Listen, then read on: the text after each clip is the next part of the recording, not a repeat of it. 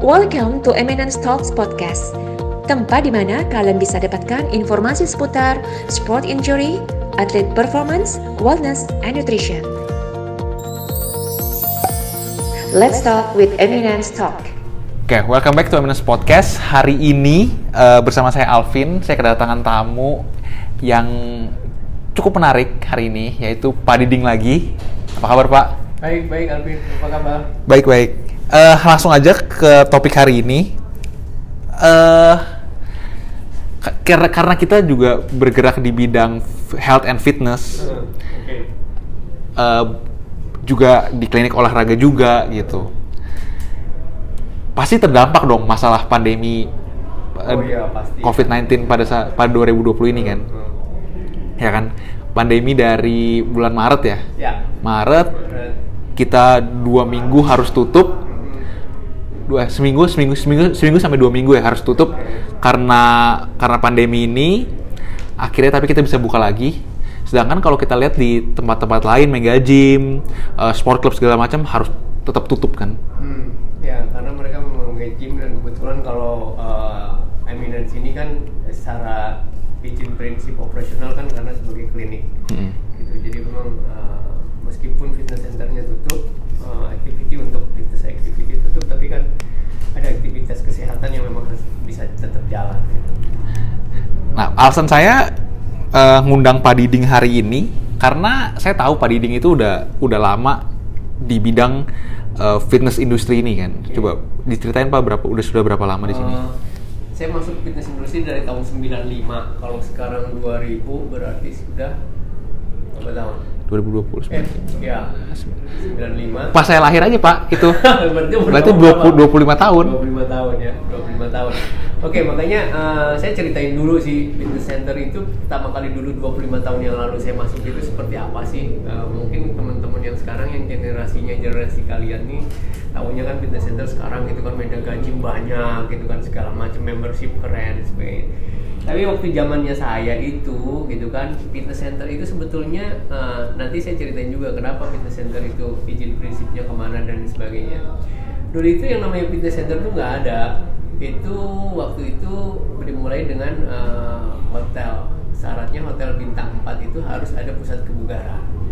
Jadi kalau hotel di Indonesia saya nggak tahu di luar negeri ya karena saya nggak pernah ya, tahu uh, mereka seperti apa Indonesia itu syaratnya hotel bintang 4 harus ada. Yang pertama adalah swimming pool. Mau sekecil apa pun ya mau segede istilahnya kolam whirlpool segala macam itu harus ada. Sama uh, fitness center. Maupun fitness centernya segede ruangan uh, kamar sekalipun memang tetap harus ada. Jadi dua fasilitas itu kalau memang kalian uh, sebuah hotel mau dapat uh, predikat bintang 4 itu harus ada.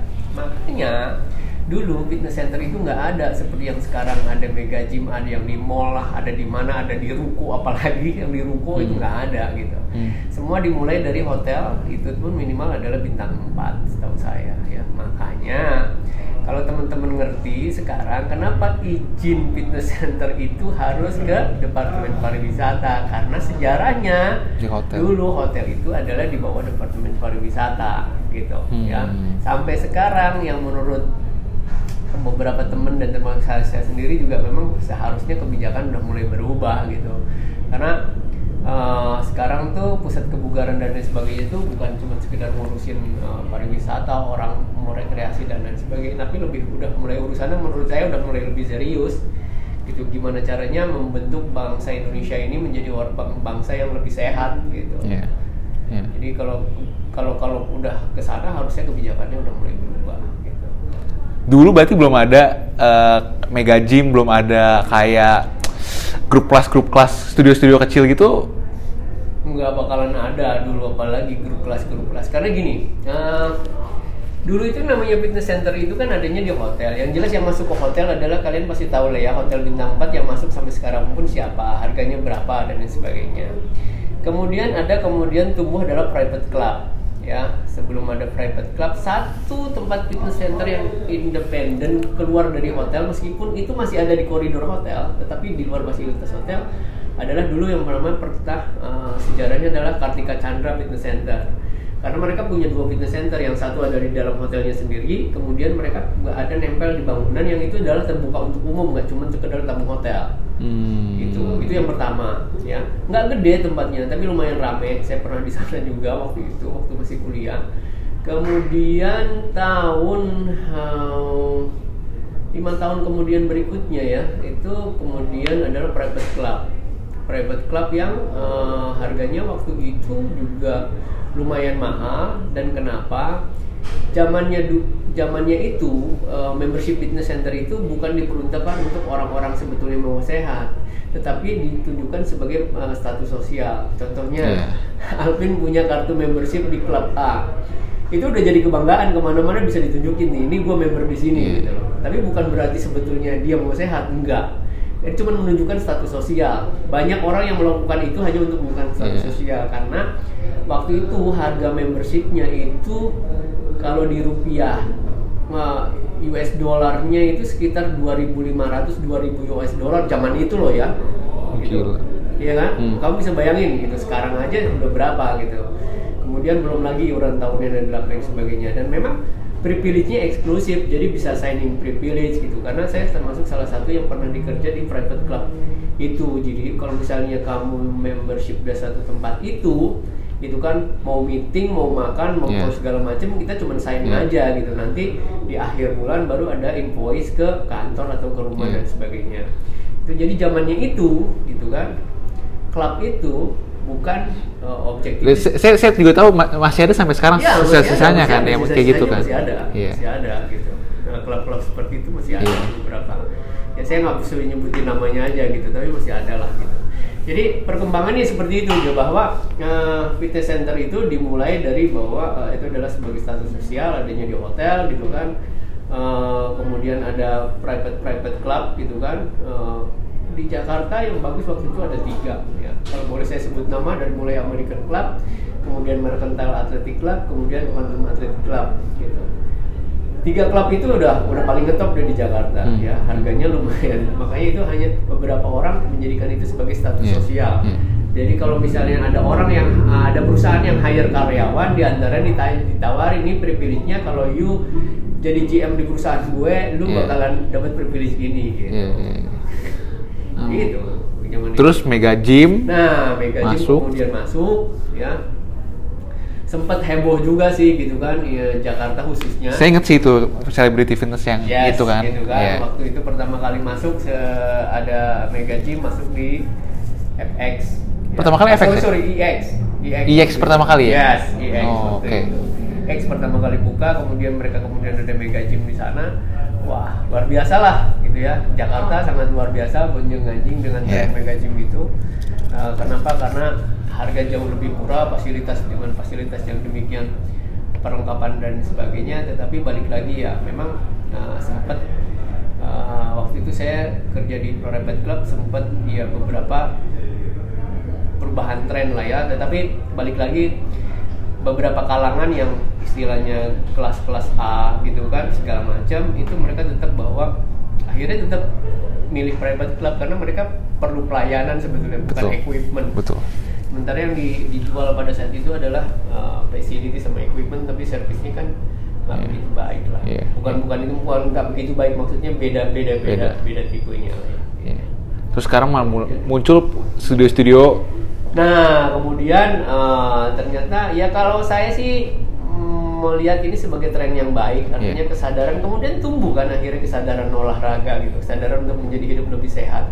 Kalau dulu orang kan beli membership hanya untuk menunjukkan status Iya. sosial bahwa gue bisa lo beli membership dengan harga segini, sebagainya.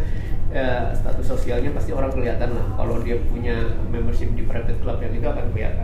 Tapi kemudian tren kesehatan meningkat gitu kan orang-orang udah mulai sadar dan sebagainya Eh, itu ditandai dengan kemudian tubuhnya fitness center fitness center yang eh, lebih kecil gitu kan ada di ruko-ruko dan lain sebagainya kemudian eh, salah satu juga atlet binaraga eh, membuat eh, fitness fitness center dengan franchise-nya dan sebagainya Hmm. buka di mana-mana ya trennya sih ke sana sih gitu waktu itu Iya. Nah terus eh dan semua itu harus tutup. Pada saat pandemi? Eh, Saat ini. ya kejadian pandemi kemarin sih seperti itu. Tetapi sih yang menarik buat saya sih bukan itu sih Bin karena ini sih terjadi di semua di semua sektor ya Betul. gitu kan nggak cuma sekedar fitness center. Tapi yang membuat saya menarik adalah kemudian eh, trennya Hmm. perubahan tren gitu menurut saya yang lebih menarik ya perubahan trennya itu tadi gitu kan ketika dulu orang uh, beli membership itu hanya sebagai status sosial kemudian timbul gym-gym dan lain sebagainya fitness center itu identik waktu itu masih dengan uh, bentuk tubuh ya kan mau jadi binaraga makanya identik apa waktu itu selalu orang itu lu ngapain lo gitu kan Iya. jadi membership di gym mau badannya gede gitu Sampai sekarang sih Ya, itu masih kan ada. Itu itu itu image-nya masih Iya, begitu kan. iya. Tetapi yang eh, yang menarik buat saya ya, ini yang yang akan kita bahas kan sebetulnya trennya akan ke mana sih sebetulnya gitu kan. Kemarin periodenya seperti ini. Nah, dengan adanya pandemi ini, saya melihat bahwa trennya eh, dari mulai eh, pembentukan tubuh dan lain sebagainya, ini akan lari kemudian ke kesehatan Hmm. orang akan lebih aware untuk bahwa kalau kalau misalnya kita berlatih gitu kan latihan kebugaran dan sebagainya dengan tingkat kebugaran yang baik ya akhirnya daya tahan tubuh kita menjadi lebih baik gitu Hmm. Kenapa sebabnya? Coba kamu perhatikan ya, meskipun gym tutup, kenapa tempat-tempat lain, tempat olahraga gitu kan, orang masih tetap jogging, bahkan bersepeda menjadi Iya. tren yang tumbuh subur. Ya karena sebetulnya timbul kesadaran dari mereka bahwa dengan kebu- tingkat kebugaran yang tinggi itu, mereka tahu bahwa itu akan membuat daya tahan tubuh mereka menjadi Bagus. lebih baik. Gitu. Nah itu yang menarik sih buat saya. Jadi ke depannya, kalau menurut saya ini prediksinya saya gitu kan, eh, setelah pandemi ini berakhir gitu kan kesadaran orang berlatih di pusat kebugaran itu bukan cuma sekedar untuk membentuk tubuh tapi mereka lebih lebih eh, untuk bagaimana caranya imunitas mereka meningkat daya tahan tubuhnya lebih baik gitu kan. Nah kalau masalah pe- sport performance sebetulnya trennya sudah lima tahun ini sudah terbentuk pin gitu. Hmm. jalur dulu kan orang ke fitness itu selalu berhubungan sama body composition gitu kan mau kurus mau bentuknya bagus tetapi kemudian lima tahun terakhir ini kan Sejak ada maraton. betul Hmm. ya kemudian eh, tren eh, apa long distance runner dan lain sebagainya tumbuh kemudian orang ngomongin tentang performance gimana caranya bisa performance lebih baik lima tahun terakhir ini kan udah udah tumbuh sebetulnya tapi kemudian dengan pandemi ini yang saya lihat juga akan ada pertumbuhan tren di mana orang lebih mementingkan tentang kebugaran ya dari mulai kebugaran kardiovaskular maupun muskuloskeletal gitu supaya mereka punya daya tahan tubuh yang lebih baik bisa eh, melakukan daily activity life dengan baik gitu. Tapi kalau Bapak lihat di ini sampai di hampir kena di seluruh dunia sih. Bapak Hmm. lihat di headline-headline berita adalah lebih dari 50% membernya itu nggak memperpanjang kontrak lagi, Oke. membership lagi Betul. di gymnya mereka, Betul. gitu. Terus gimana gitu? Gimana industri kita pada sekarang dan yang akan datang setelah pandemi ini? Oke, ini tentu saja memang jadi jadi tantangan ya buat buat operator-operator eh, seperti kita gitu kan, termasuk teman-teman sejawat kita yang lain gitu kan. Tetapi eh, sekali lagi bahwa memang di bisnis segala sesuatunya juga memang perlu kreativitas sih gitu kan. Lihat trennya ke depan akan seperti apa, gimana seperti tadi saya bilang kan, ke depannya akan seperti apa. Nah, kalau kita bisa mengantisipasi itu ya pasti kan bisa hidup. Tetapi semua juga nggak ada yang misalnya eh, di satu sisi memang mungkin ada pertumbuhan yang minus, tetapi di sisi lain ternyata pertumbuhannya ternyata positif. Contohnya apa? Di fitness industry kan nggak cuma sekedar membership, tetapi juga equipment, equipment sendiri kan. Pandemi ini ternyata penjualan fitness equipment dan fitness apparel, apparel itu itu naik loh, Iya. gitu, ya kan? Itu artinya sebetulnya kesadaran orang untuk berolahraga dan lain sebagainya itu tetap ada. Trennya makin naik. Justru saya menduga ini akan makin tinggi gitu, makin naik setelah pandemi ini. Karena kesadaran untuk hidup sehat itu gitu.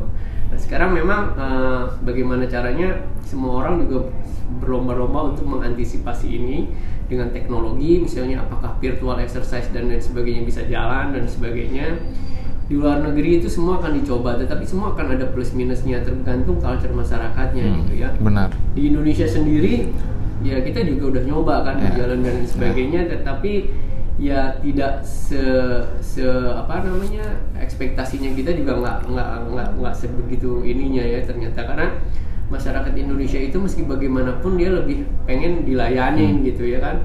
Eh, ada ada ada in touch dan lain sebagainya. Kalau virtual itu buat mereka sebagai sesuatu yang masih dianggap sebagai dunia maya dengan bahasanya dunia Yeah. maya ya itulah gitu. Mereka ngerasa bahwa itu nggak nggak bukan sesuatu yang real gitu.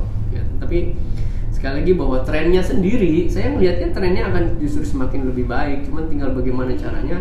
Saya nggak ngomong secara umum ya karena dari negara satu negara ke negara lain pun itu berbeda-beda ya. Culture-nya juga beda dan sebagainya. Indonesia termasuk eh, Indonesia termasuk eh, kalau menurut saya virtual virtual eh, service itu masih masih belum begitu baik responnya ya gitu setelah kita coba gitu ternyata karena mereka lebih mementingkan untuk dilayani Ya. ketemu gitu kan ada ada interaksi dan lain sebagainya gitu Tapi eh, ya kita kan di Eminas udah coba itu kan. Kita ada telehealth, udah ada virtual konsultasi, virtual training, virtual group exercise juga Hmm. udah pernah dicoba gitu kan. Dan eh, ya masih jauh dari ekspektasi kan. Betul. Pertama adalah eh, banyak juga aplikasi-aplikasi yang sifatnya gratis Iya. untuk misalnya grup exercise maupun panduan-panduan latihan di rumah dan sebagainya itu juga akan jadi challenge kan Iya. gitu kan ke depannya semua operator akan bagaimana cara melihat eh, kelebihannya mereka dibandingkan dengan aplikasi aplikasi gratisan itu gitu. Hmm. Nah, terus tanggapan Bapak atau menurut Bapak gimana nih eh, fitness-fitness industri itu harus beradaptasi gitu? Karena Mega Gym udah buka, Hmm. eh, udah beberapa membership yang balik gitu kan, tapi belum belum serame dulu, belum bisa Ya. serame dulu gitu. Pasti. Eh, private apa yang studio kelas segala macam udah buka tapi masih masih ada yang takut gitu walaupun protokol kesehatan udah dikampanyekan dari semua perusahaan ya udah dikampanyekan kalau kita aman segala macam Betul, memang ini jadi jadi kayak semacam tantangan sih Bin ya, khususnya untuk mega gym ya, khusus mega gym ketika memang quantity itu waktu itu kan menjadi andalan utama kan Iya. dengan jumlah yang besar gitu kan. Tetapi dengan adanya pembatasan sosial dan lain sebagainya, kapasitas dibatasi dan lain sebagainya, ini juga memang akan jadi challenge sih buat mereka gitu. Saya sendiri juga nggak begitu tahu, tetapi yang jelas saya bisa melihat bahwa ini sesuatu yang sangat menjadi tantangan untuk mereka ketika waktu itu mereka bermain dengan quantity kemudian karena ada pembatasan ini harus mengurangi quantity nah bagaimana caranya gitu? Yeah. Apakah- apakah nanti impactnya kepada uh, harga membership? Ya ya semua akan ada tantangannya ketika harga quantity menurun uh, kemudian uh, kemudian demandnya juga menurun gitu untuk datang apa yang bisa mereka lakukan gitu. Tapi saya percaya bahwa di di semua semua sisi kehidupan bahwa pasti akan ada yang bisa survive ketika mereka yang bisa bisa uh, bisa mengatasi tantangan dan sebagainya mereka pasti bisa survive. Ya kalau mereka yang nggak bisa beradaptasi dengan tantangannya pasti mereka akan rontok satu persatu sih gitu. Apakah eh, trennya setelah ini akan berubah lagi karena eh, apakah maksudnya mereka lebih milih eh, private private coaching mereka lebih milih yang studio yang benar-benar hanya untuk mereka sendiri atau kan masih tetap di me- mega gym? Saya ngelihatnya sih beberapa beberapa uh, operator memang sudah mulai melihat itu ya gitu. Bahwa uh, trennya ini kan lebih ke akan one on one gitu kan mini studio dan lain sebagainya gitu. Kenapa? Ya karena uh, yang pertama ya kamu tahu sendiri lah ya. Boleh secara kasar saya akan bilang yang lebih takut mati itu sebetulnya orang-orang yang di level di atas gitu. Kalau yang level di bawah kalau lihat ya di pasar berkeliaran semua orang nggak ada nggak ada yang takut mati Hmm. itu. Ya kan? Cuman kan yang uh, membership itu kan levelnya ada di di sini Hmm. gitu di atas kan gitu. Hmm. nah artinya kan uh, mereka harus juga berpikir kalau kalau konsepnya masih seperti dulu ya mereka juga nggak akan mau datang gitu.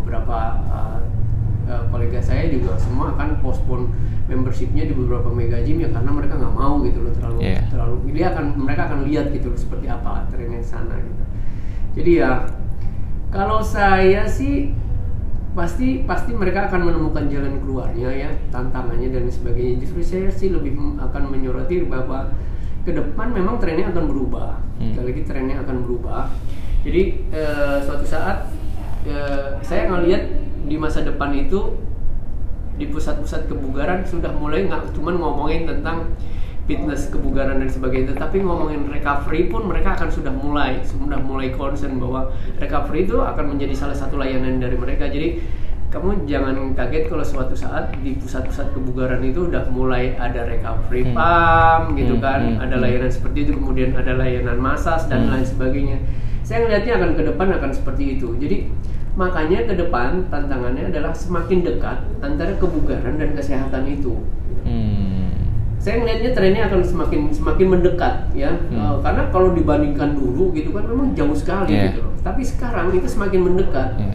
ya semakin mendekat antara kebugaran dan kesehatan nah makanya tantangannya balik lagi adalah tentang kebijakan nih gitu kalau saya ngelihatnya bahwa fitness center itu sebetulnya adalah sebagai tempat bagaimana caranya mencegah bangsa Indonesia ini, masyarakat Indonesia ini menjadi sakit, Iya. gitu kan?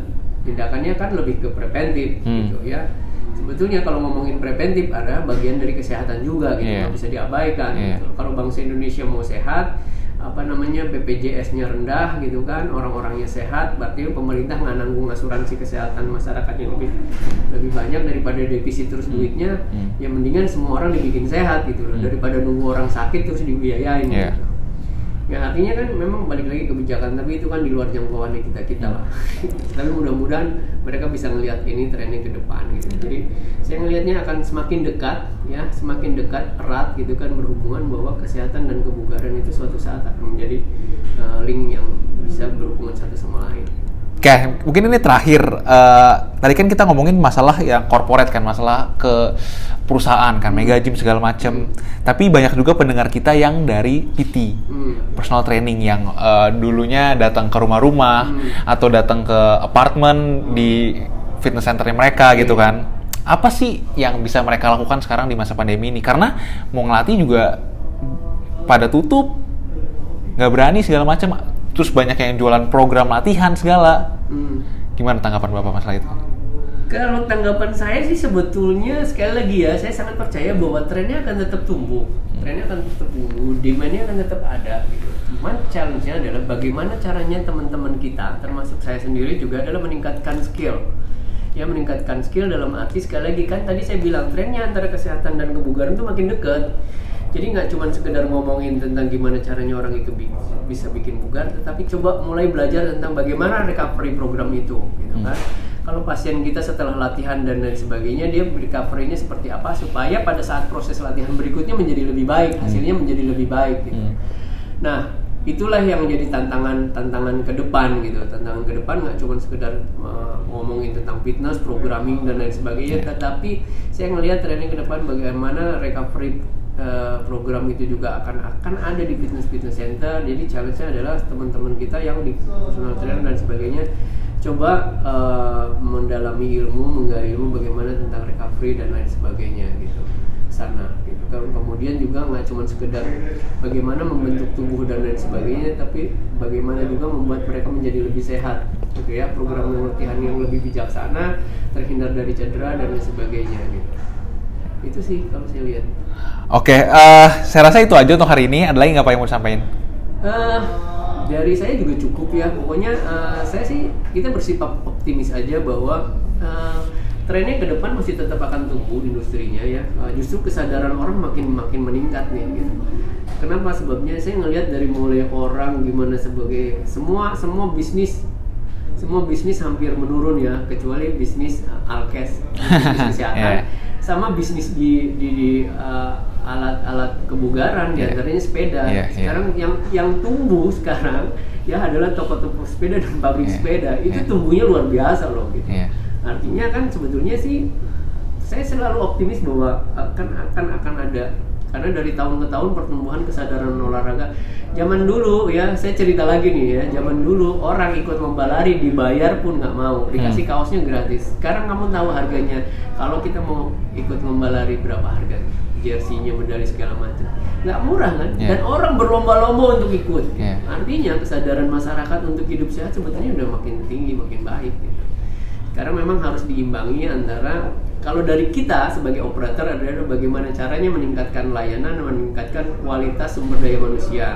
ya kalau dari pemerintah kalau boleh saya mudah-mudahan ada yang dengar adalah bagaimana caranya melepaskan kebijakan gitu kan karena ini udah nggak bisa dianggap sebagai sesuatu yang ya sebagai recreational uh, activity aja gitu Hmm. karena ini adalah bagaimana cara mewujudkan orang Indonesia menjadi orang-orang yang sehat ya tangguh tahan penyakit kemudian tunjangan pemerintah untuk kesehatan juga mungkin menjadi Berkurang. menurun berkurang karena orang-orang menjadi lebih sehat gitu dari saya sih Oke, eh, terima kasih Pak Diding. Terima kasih teman-teman yang udah dengerin. Eh, sekian aja untuk hari ini. Sampai jumpa di podcast podcast berikutnya. Terima kasih. oke